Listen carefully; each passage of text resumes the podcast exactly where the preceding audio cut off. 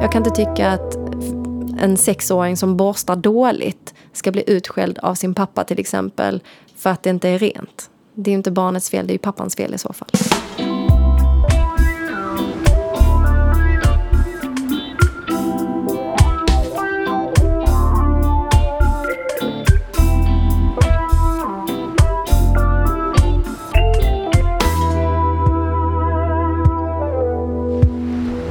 Hej och välkomna till Vårdfrågan. Det är en podd, en podcast där vi pratar om hur vi kan ge ännu bättre vård till ännu fler patienter. Den frågan har inte ett jätteenkelt svar och därför så frågar vi vid varje tillfälle en expert inom ett specifikt vårdområde utifrån ett aktuellt ämne. Eh, jag som sitter här idag heter Erik Magni och jag jobbar med pressfrågor på Praktikertjänst. Eh, och jag ska idag prata med tandläkare Anna Vraxe som sitter här centralt i Stockholm. Eh, vi ska prata barntandvård. Men jag tänkte Anna, du kan väl bara säga något eller några ord om dig själv? Mm, absolut. Hej Erik. Hej.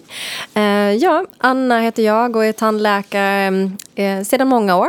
Jag har varit ansluten till praktikertjänst sedan jag blev färdig tandläkare faktiskt. Eh, jag tyckte det kändes som ett eh, bra val att bli omhändertagen på det sättet.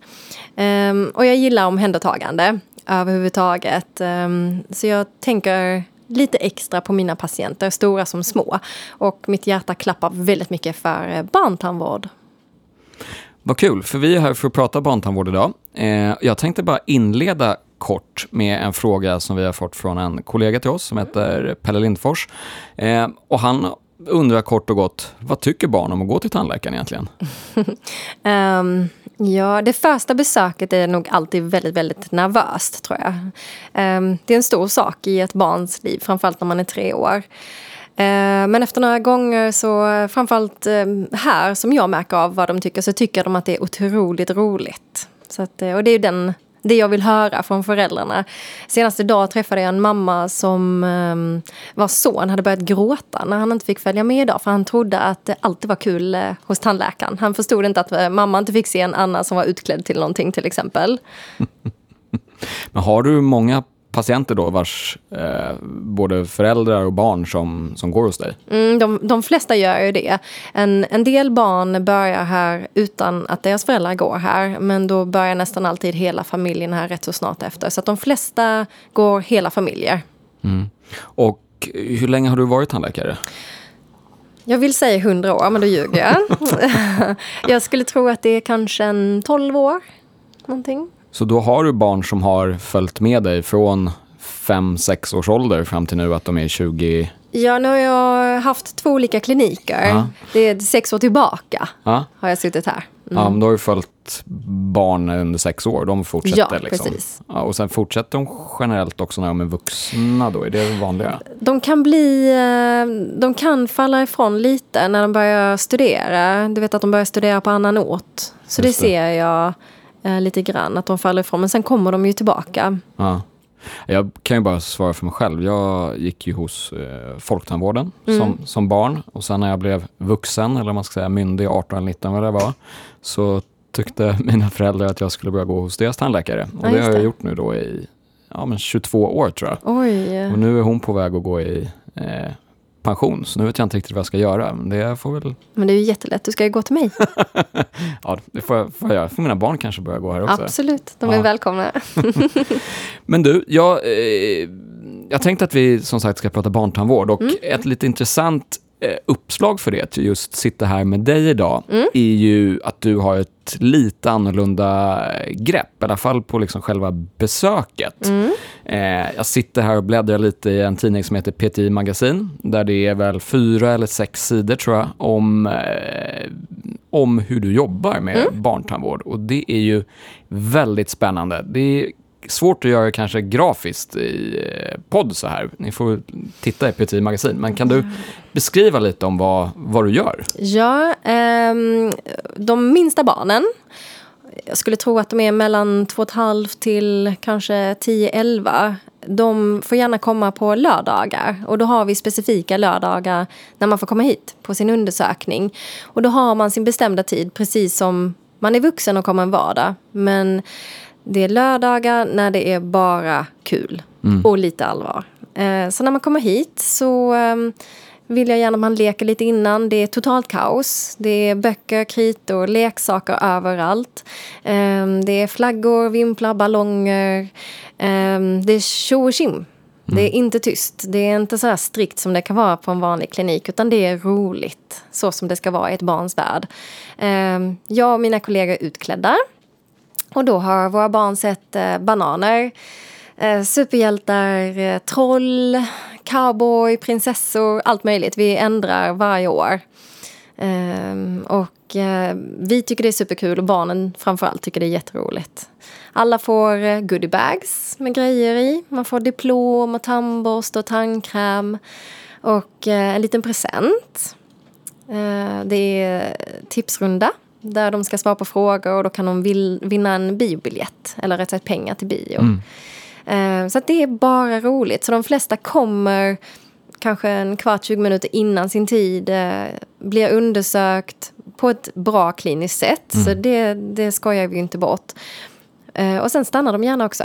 Och föräldrarna får kaffe eller te och vi um, serverar popcorn. Så det är mm. popcorn överallt. Du vet, nedtrampade i mattor. Och, uh, men vi försöker hålla popcornen borta innan undersökningen i alla ja. fall.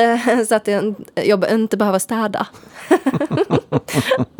men du, hur kom du på den här idén? Eller ni, jag vet inte vem... Ah, det är knappt jag minns det faktiskt. Um, jag hade en hel del föräldrar som hade många barn. Ja. Och de, eh, de klagade väldigt mycket på att vara många gånger borta från jobbet. Vissa hade tre, fyra barn och var borta från jobbet kanske fyra, fem gånger för sig själv och sina barns skull. Det, det blev märkbart på arbetsplatsen. Så att um, jag födde väl idén att vi borde göra någonting annat. Vi borde lösa det.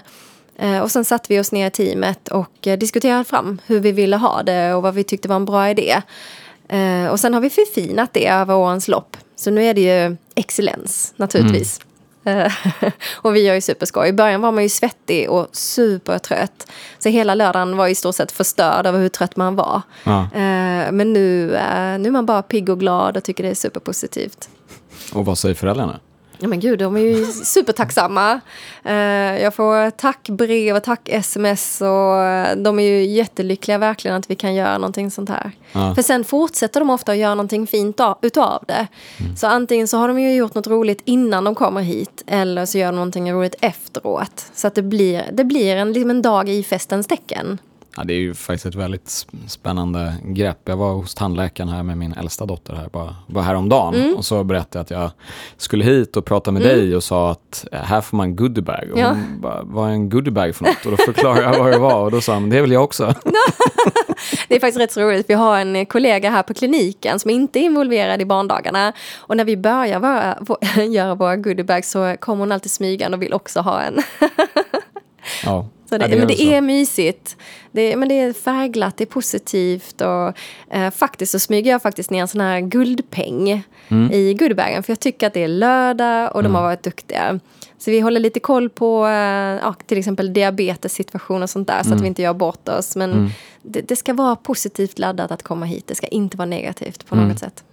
Men hur gör du rent kliniskt? Är det bara undersökningar eller är det liksom eh, lagningar och liksom sånt också? Ja, nej, aldrig lagningar. Nej. Aldrig någonsin. För jag tycker att eh, man ska vara lite förberedd. Mm. Eh, så skulle jag hitta ett hål till exempel så skulle jag aldrig få för mig att eh, bums laga det. Mm. Um, och jag sätter inte lagningar den dagen heller. För som jag sa så ska det vara positivt. Det ska inte finnas något negativt överhuvudtaget. Um, men är jag förberedd så kan jag tänka mig att sätta av lite extra tid för kanske fotografier som ska skickas till specialist eller man behöver ta extra röntgenbild, alltså som en panoramabild. Mm. Så bara vi vet det i förtid så gör vi det. Men vi gör ingenting som är barnen eller jag inte är förberedda på. Jag tänkte just det där med då hål eller karies på barn, om mm. vi ska liksom djupdyka lite i själva barntandvården, mm. så är det ju tittade lite hos Socialstyrelsen innan jag kom hit och mm. då är det ju svenskar har ju, vuxna framförallt, generellt väldigt god väldigt god tand, tandhälsa mm. och barn har ju generellt väldigt god tandhälsa också. Mm. Men det finns en grupp som sticker ut lite grann och det är sexåringar som har de senaste åren fått lite, lite, lite sämre tandhälsa Mm. jämfört med andra, andra barn. Är det någonting som du i ditt jobb känner igen att det har blivit eh, lite mer karies eller andra saker? Mm. Jag märker det otroligt mycket faktiskt. Ehm, I början av min karriär så lagade jag nästan aldrig hål. Det var otroligt sällan jag hittade hål som behövde lagas. På sin höjd kanske början till. Sådana här små som man kan varna för. Eh, Där man kan gnugga lite extra. Och sen så, så händer inget mer. Nu lagar jag faktiskt mer hål än någonsin på små barn. Och det är, det är så tråkigt. Det är jättetrist, verkligen. Eh, Jag gör det gärna, det är inte det. Men jag tycker det, det ska inte behövas. Va, någon gissning eller har du någon känsla för vad, vad den här utvecklingen kan bero på? Um, hos mig så går patienter gärna från innerstan.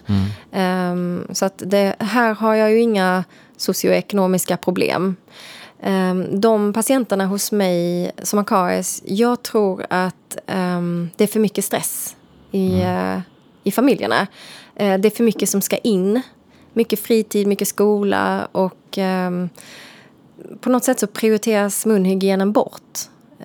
Man lever mycket on the go med ehm, kanske inte fasta tider där man äter utan man har snabba lösningar och snabba lösningar är kanske inte alltid så bra för, för tänderna. Ehm, jag tänker mycket på um, det jag ser ofta. Det är små barn med plastpåsar med till exempel fruktbitar eller russin eller kex i. Kanske en 50-60 småbitar och så äter det där barnet kontinuerligt hela dagen. För tänderna är det förödande. För då sänks eh, pH-värdet i munnen hela, hela, hela tiden. Och det är där kariesbakterierna trivs. Ehm, Så det kan tyckas som en bra idé att barnet är glatt och, och liksom mätt hela tiden men tänderna mår inte bra av det. Ehm, Så det är en aspekt på det. Sen en annan aspekt tror jag är att ehm, föräldrar idag eh, kanske inte har hål själva och inga problem och då tar man god munhälsa eh, för givet. Och eh, då är man kanske inte lika hård med att barnet ska ha rena tänder. Det kanske slarvas lite. Och man släpper mycket på tandborstningen. Eh, man tror att barnet kan borsta själv men oftast är det kanske en eller två tänder som blir borstade och resten blir inte borstade.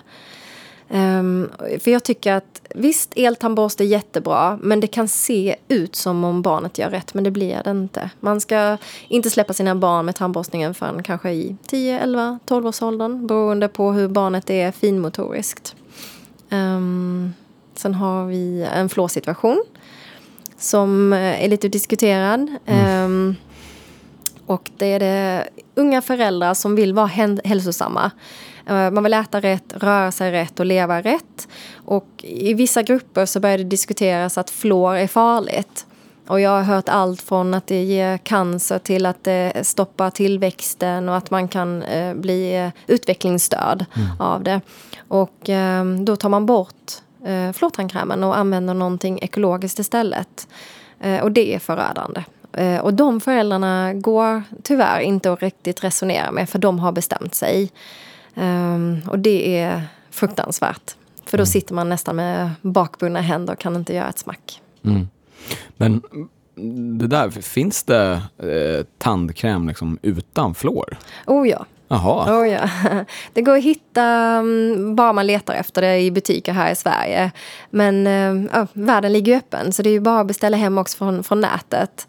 Eh, och jag har ju patienter som eh, rör ihop sina egna tandkrämer också. Och det kan ju vara du vet, en tandkräm med, med lite salt och så lite, tar vi lite bakpulver och så tar vi lite bikarbonat och så kanske några droppar pepparmintsolja och lite kokosolja så har man en tandkräm. Och så tycker man att det är grönt och ekologiskt och naturen mår bra och jag mår bra av det men ehm, tänderna tar ju tyvärr skada.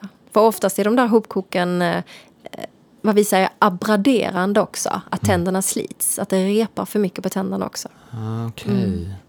Ja, det känns ju lite som, från min horisont, och kanske som att just fluor och så här vaccination, att det är två nästan samma grupper som eh, går lite på, ja, från personlig uppfattning då, myter om saker som är dåligt och som nästan är väldigt svåra att omvända. Ja.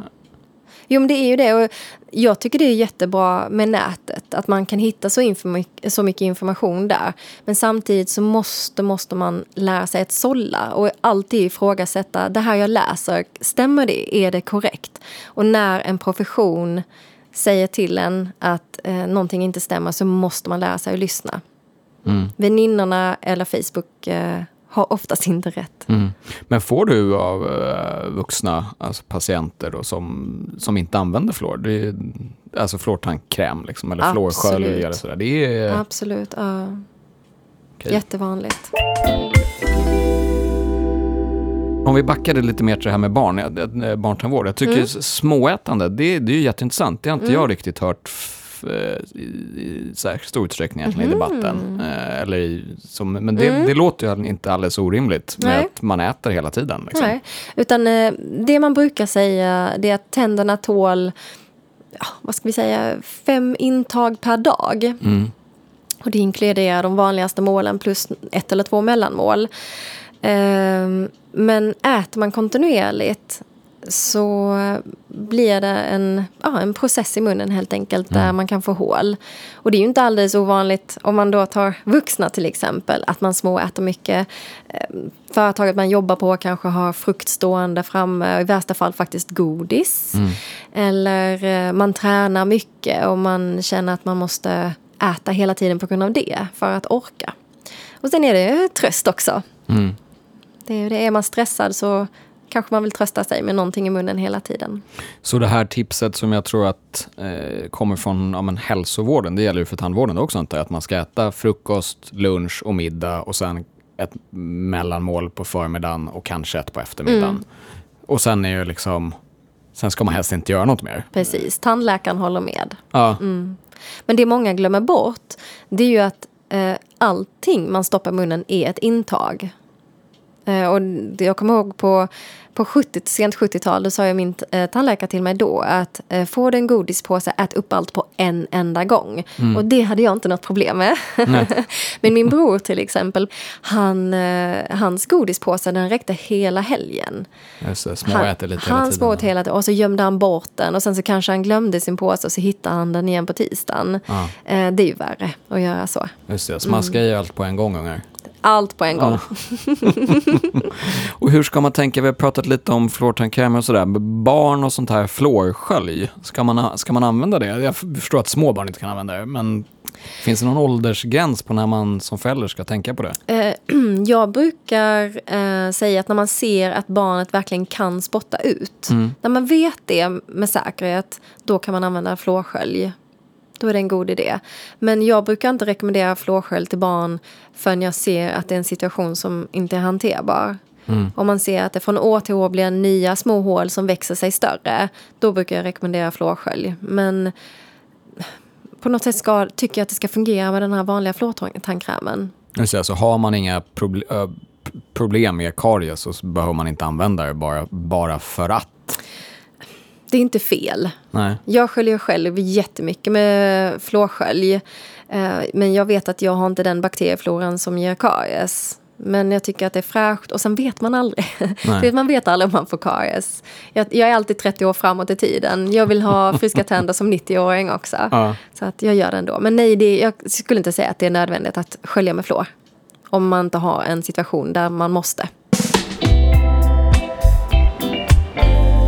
Du, jag tänkte igen då lite mer om det här med barns tandhälsa och att den då i vissa grupper, då, sexåringar då framförallt, har blivit lite sämre. Så pratar man ju i ganska stor utsträckning om att det är värst då, eller sämst tandhälsa, de här socioekonomiskt utsatta områdena mm. och sådär. Va, varför tror du att det är sämre där än, som du nämnde tidigare, kanske innerstadsbarn? Liksom? Mm. Um jag har ju aldrig upplevt det själv, men jag har mm. kollegor som är väldigt frustrerade över situationen i olika förorter. Um, och jag tror att det är okunskap. Mm. Man vet inte bättre. Det är en anledning. Man förstår inte det man stoppar in i munnen, att det kan påverka. Mm. Man förstår det inte riktigt. Och man förstår inte att man kan påverka en situation genom att ha en excellent munhygien. Ehm, jag tror också att är man i en situation där man mår dåligt på något sätt eh, om det är stress över pengar eller en livssituation i en familj som inte är optimal så ligger inte god munhygien som prioritet ett. Mm. Ibland så handlar det om att överleva eller att hanka sig fram över dagen. Mm. Um, så tyvärr så tror jag att tänderna blir bortglömda. Och i en situation där man har föräldrar som kämpar så kanske det känns fint att ge godis till sina barn. Mm. För man kanske kan se en glimt i ögonen, man kanske kan locka fram ett leende. Och, um, det kan kännas bra. Och man kanske inte tänker på det långa loppet, att det är inte så bra i det långa loppet. Mm. Um, så jag tror att det är många anledningar. Jag tror kanske också att, att det är skolor som ligger i sådana här områden har kanske också mer fokus på att um, se till att barnen faktiskt klarar sig utbildningsmässigt. Uh, och då kanske man inte alls pratar tänder och tandhälsa i skolan. Vilket jag hör att många av mina barn får göra i sin skola. Mm. Där man diskuterar till exempel vem som har tappat vilka tänder och man pratar lite om flår. Och man har liksom fina kommunikation, ja, fina samtal helt mm. enkelt om, om tänder. Och jag tror att ibland så prioriteras det ner när annat prioriteras upp. Mm.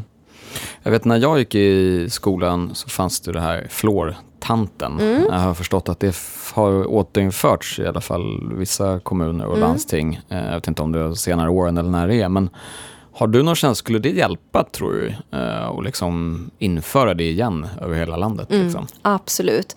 Det är den absolut nästan viktigaste åtgärden. Um, jag tycker att fluortanten kan vara en flåman eller en flågubbe. Ja. eh, sen tycker jag att eh, flåtanten behöver inte vara tandläkare eller tandhygienist eller tandsköterska. Utan det kan vara någon vuxen överhuvudtaget mm. som kan entusiasmera sina ja, de här barnen i klassen till att ha en god munhälsa. Där man kanske kan göra det på en väldigt basal nivå. Skölja med fluor och prata lite kring varför man gör det. Vad är rätt och fel? Um, varför får man hål och så vidare. Och det mm. behöver man ju inte vara proffs på att, mm. för att diskutera. Utan en vettig vuxen helt enkelt. Så det tycker jag absolut borde finnas på alla skolor. Mm. För egen del, jag vet inte varför, varför det togs bort, det kanske är en kostnadsfråga. Men, Säkert. det, ja, men det, det låter ju som en ganska mm, enkel sak mm. egentligen att bara införa Det är otroligt i, i enkelt. Ja. Men det är så mycket som ska in i dagen på en skola. Det är så mycket som ska pressas in i schemat så att, eh, ja återigen, det handlar om prioriteringar och, och, och ekonomi. Vem ska mm. göra det där? Mm. Eh, men det hade betytt väldigt mycket för barns tänder och mm. munhälsa. En annan sak som jag också tycker, jag tycker är lite intressant med, med barntandvård och uh, tandvård för uh, unga vuxna eller ungdomar är att den är ju eh, kraftigt subventionerad, till och med gratis mm. kan man på ett sätt säga. Eller den är fri i alla fall. Mm. Upp till ja, men, en bit över 20-årsåldern, det är väl 23-24 mm. idag tror jag. Mm. Men ändå då så ökar ju karies bland, mm. bland sexåringar då, mm. trots att den är då fri. Eh, liksom, jag, jag, vet inte, hjälper de här subventioneringarna? Alltså, eller vad? Oh, oh, gud, nu måste jag sticka ut hakan. Ja, gärna. Jag eh, tycker inte att det är rätt att unga vuxna ska gå gratis till tandläkaren. Och det handlar ingenting om att jag är snål. Eh, men det är ju inte där problemet ligger oftast. Man kan se att de här äldre eller ja, unga vuxna. Mm. Man kan se att de försvinner bort från tandvården under några år när de inte har råd att gå till tandläkaren. Men när de hittar tillbaka så har de oftast inte jättemycket problem i munnen. Mm. Um, jag, oh, nu sticker jag ut hakan igen. Jag tycker att de här pengarna kanske borde satsas på uh, vår äldre befolkning och mm.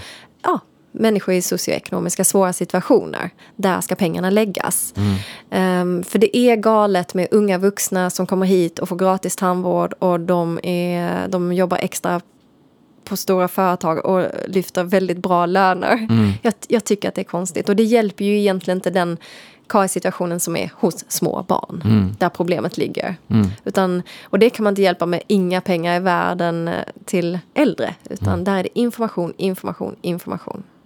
Jag vet från praktik, eller från Praktikertjänst horisont, då, eller från vårt bolags horisont, så har man ju lyft det precis det du säger. Mm. Eh, när det har varit de här eh, subventionerna som då har ökat under de senaste åren så har ju, vet jag, styrelseordföranden här, Englund, har väl snarare argumenterat för just det du säger, Mm. att eh, börja uppifrån istället. Ja. Alltså, det är ju där det finns mest problem. Absolut. Och sen ännu mer riktade insatser Mm. till socioekonomiska grupper eller till andra svaga, till de som verkligen behöver det. Inte Mm. kanske ja, välbeställda 21-åringar liksom, Nej. som pluggar och jobbar extra. Liksom. Mm. Så det är, ja, nej, men jag tycker det är, det är intressant och det visar ju lite hur sådana här subventioner kan fungera. Men eh, va- vad, vad skulle du säga att föräldrar har för liksom, om, hur har deras syn på tandvård för inverkan på barn? Tar man efter föräldrarna eller? Mm. Eh, föräldrarnas syn på tänder och hur de ska behandlas är ju, betyder ju otroligt mycket. Ehm, det jag tänker på först är om man är rädd som förälder eller inte. Mm. Och man behöver ju inte berätta för sitt barn att man är rädd. Om man följer med till sitt barn till tandläkaren och man utstrålar att man är spänd och att någonting är fel, då får man ett barn som också är rädd. Så jag brukar alltid tycka att rädda föräldrar ska inte ta med sina eh, små barn till tandläkaren. Eh, låt partnern eh, följa med eller en nära anhörig istället.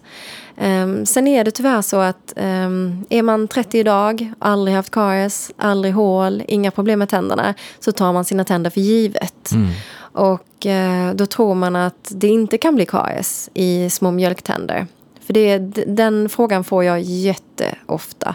Va? Kan man få karies i mjölktänder? Det Mm. visste inte jag. Och då slarvas det. Så att föräldrarna måste, måste, måste veta att eh, de måste hjälpa sina barn att borsta tänderna. Man får inte låta dem borsta själva. Utan, och man måste förklara för dem varför. Eh, för jag tycker nästan idag att föräldrar glömmer bort ibland att de är föräldrar i den situationen. Att eh, barnen ska ta egen ansvar. Och det är inte meningen. Jag kan inte tycka att en sexåring som borstar dåligt ska bli utskälld av sin pappa till exempel för att det inte är rent. Det är inte barnets fel, det är ju pappans fel i så fall. Mm. Så mer ansvar till föräldrarna och mindre till barnen. Låt barnen vara barn. Och det är till 10, 11, 12 års åldern cirkus Ja. som föräldrar bör, eller Ja. vuxna bör hjälpa barn. Precis, man säger runda slängar eh, 11 år plus minus ett år ungefär. Ja. Mm. Men det här med barns tandhälsa då igen. Vad, vad tror du att man... Vi har pratat fluortanter, vi har Mm. pratat lite om subventioner, hur de kan riktas. Eh, vad, om du var liksom tandvårdsminister, Mm. vad, vad gör vi för att få liksom nollvision om karies? Ja du, Tusenkronorsfrågan. tusenkronorsfrågan. Eh, som tandläkare har man ett jätteansvar. Man får inte bli blasé och ta för givet att alla vet. Utan information till alla. Aldrig tröttna. Det, är det viktigaste. Eh, nummer två, flårtanten. Definitivt. Ska tillbaka. Eller flårgubben. Eh, det tycker jag också är jätte, jätteviktigt. Och sen um, undrar jag om inte, som, jag vet inte om du hade det så när du var barn, men eh, det var faktiskt en kollega till dig idag Mm. som var här som patient hos mig och eh, hon påminde mig om att förr, då gick man iväg en grupp till tandläkaren samtidigt. Det var precis som att tandläkaren förr hade eh, kommunikation med skolan. Så att man fick gå på skoltid och så gick man till den lokala tandläkaren och tog sig om hand om och då blev det av. Idag har ju föräldrarna egenansvaret att ta sina föräldrar eller sina barn till, eh, till, till tandläkaren. Och jag ser ju tyvärr att eh, ekorrhjulet rullar på lite för snabbt och ibland så glöms tandläkaren bort och tiderna ombokas och vissa barn kommer ju aldrig iväg. Nej, just det. Men viktigast som sagt var information från eh, tandläkare och, eh, eller tandhygienist och eh, flårtant tror Mm. jag stenhårt på. Mm. Jag tänker, det var ju inte direkt, pratade vi om inledningsvis, det är inte direkt kanske ditt klientel här som du sa, som du hade mycket innerstad sådär. Jag tänker på den här stora migrationsvågen som var här Mm. för några år sedan. Det eh, kommer ju då förmodligen personer från andra delar av världen, Mm. utifrån, in, inte från Europa, som kanske har ett helt annat tandvårdssystem Mm. än vad som finns här i Sverige, där man blir liksom kallad nästan varje år med både barn och vuxna Mm. och, och sådär. Där tänker jag att där finns det ju en, förmodligen en monsterinsats rent kommunikativt som Ja. måste till för att de här nya svenskarna eller som flyttat hit ska liksom förstå hur generöst och bra det här Mm. systemet funkar. Ja, ja, det är en monsterinsats. Ja. Åh herregud. Jag bara, för jag är ju hyfsat flytande på engelska till exempel. Ja. Men varenda gång jag har en patient i stolen som jag måste prata med på engelska så känner jag att det blir inte 100% bra. Eh, och då kan man ju tänka sig någon som kanske knappt pratar engelska utan bara sitt, sitt hemlandsspråk. Eh, hur ska det gå till? Ja, hur ska det gå till? Ja. Men där måste man styra upp det. Verkligen. Mm. Jag vet inte, människor som de träffar, någon instans som man träffar, definitivt. Jag vet inte om det ska läggas på någon vårdinrättning Mm. eller, ja, svårt att säga. Jag vet, vet inte heller, men jag vet att det har diskuterats en del på hur man liksom ska få ut den där inf- informationen och från vem det ska komma. Jag menar, skolan har ju såklart ett, ett, an, ett ansvar här och liksom Mm. Skolan är kommunicera ju till barn. Ja.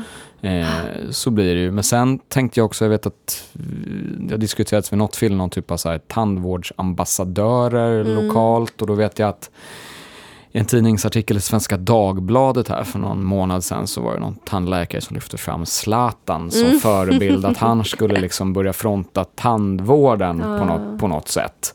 Eh, det är en sån person misstänker jag som ganska många unga, Precis. oavsett vad man är i Sverige, ser upp till. Ja. Liksom. Vad, vad tror du om en sån sak? Ja, men jättefin idé, absolut. Eh, framför tandvårdsambassadör. Men eh, eh, smakade så kostade. Eh, och tyvärr, någon måste betala. Någon måste hosta upp de där pengarna för att Zlatan ska bli nöjd och diskutera tandvård. Men, eh, åh gud ja, vilket bra förslag. Han kan göra en samhällsinsats. absolut. Ja. Undrar om han är pepp på det. Vi hoppas. Nej, han kommer säkert lyssna på det här. Så han kommer bara, om han inte läser svenskan så lyssnar han definitivt på vårdfrågan. Så Klart kan han gör. jag kan väl höra av sig till dig eller mig. Så eh, ser vi till att liksom vi får upp honom med alla, hela tunnelbanan i Sverige och bussnätet. Så han Mm. frontar så får vi en ännu bättre tandhälsa. Besök din Precis. tandläkare nu.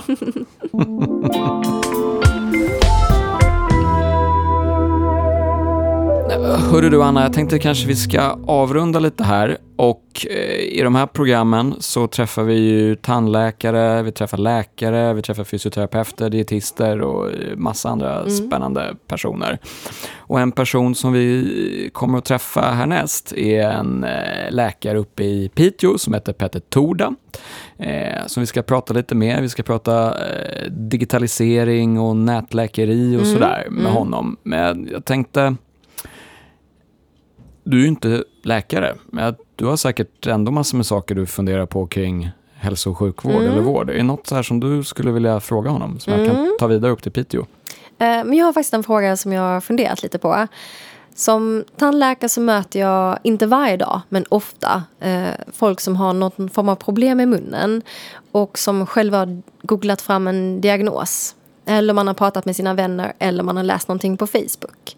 Eh, och oftast stämmer ju inte det där utan då måste man ju diskutera fram. Och ibland så um, ja, så lyssnar mina patienter, ibland lyssnar de ju inte på det utan de har ju redan bestämt sig. Och eh, jag tänker att det måste ju vara ännu mer sådant för en läkare. Så min fråga till Petter då det är, ehm, märker du av eh, det här med att folk googlar och ställer egna diagnoser och hur bemöter du det? Ehm, för det är ju inte bara av ondo, det är ju bra med pålästa människor men källkritiken är kanske inte ehm, riktigt där. Så det, det är min fråga. Nej, Flashback är väl en bra källa för källkritik Åh annars. gud ja, det är där man, där läser jag allt faktiskt. Ja, det gör det. Alla, alla, alla sanningar. Det är sant.